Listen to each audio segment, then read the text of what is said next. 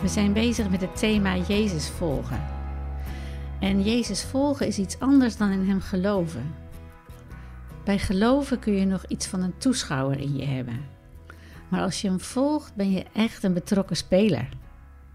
En hoe weet je nou dat je Hem echt volgt? Hoe ziet dat eruit?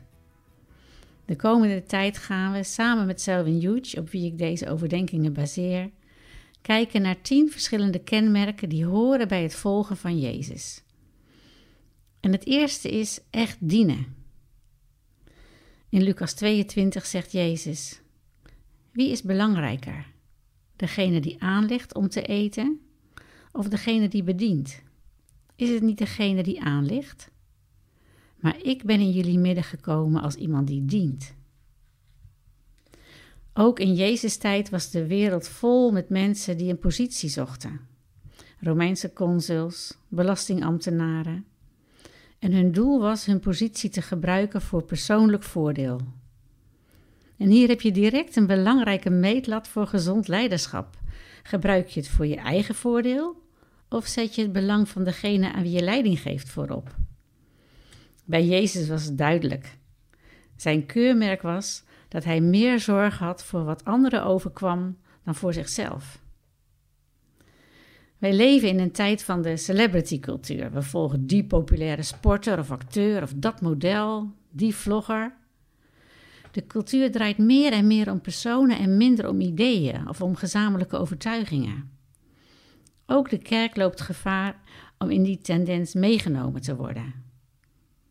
Een schrijver zegt: Niemand is geïnteresseerd in je persoonlijke getuigenis en in wat je van Jezus geleerd hebt, tenzij je een bank hebt overvallen of iemand hebt neergeschoten. Nou, dat is natuurlijk een beetje overdreven, maar hè, die focus op beroemdheden is precies tegenovergesteld aan wat Jezus in ons aanmoedigt. Namelijk om arm van geest te zijn en zachtmoedig, nederig en met een honger naar gerechtigheid. En dat was ook in Jezus' tijd een totaal ander geluid, zelfs bij zijn volgelingen. De moeder van Jacobus en Johannes duwt haar zonen naar voren als kandidaten voor de tronen nummer 2 en 3, naast Jezus. De andere discipelen reageren woedend.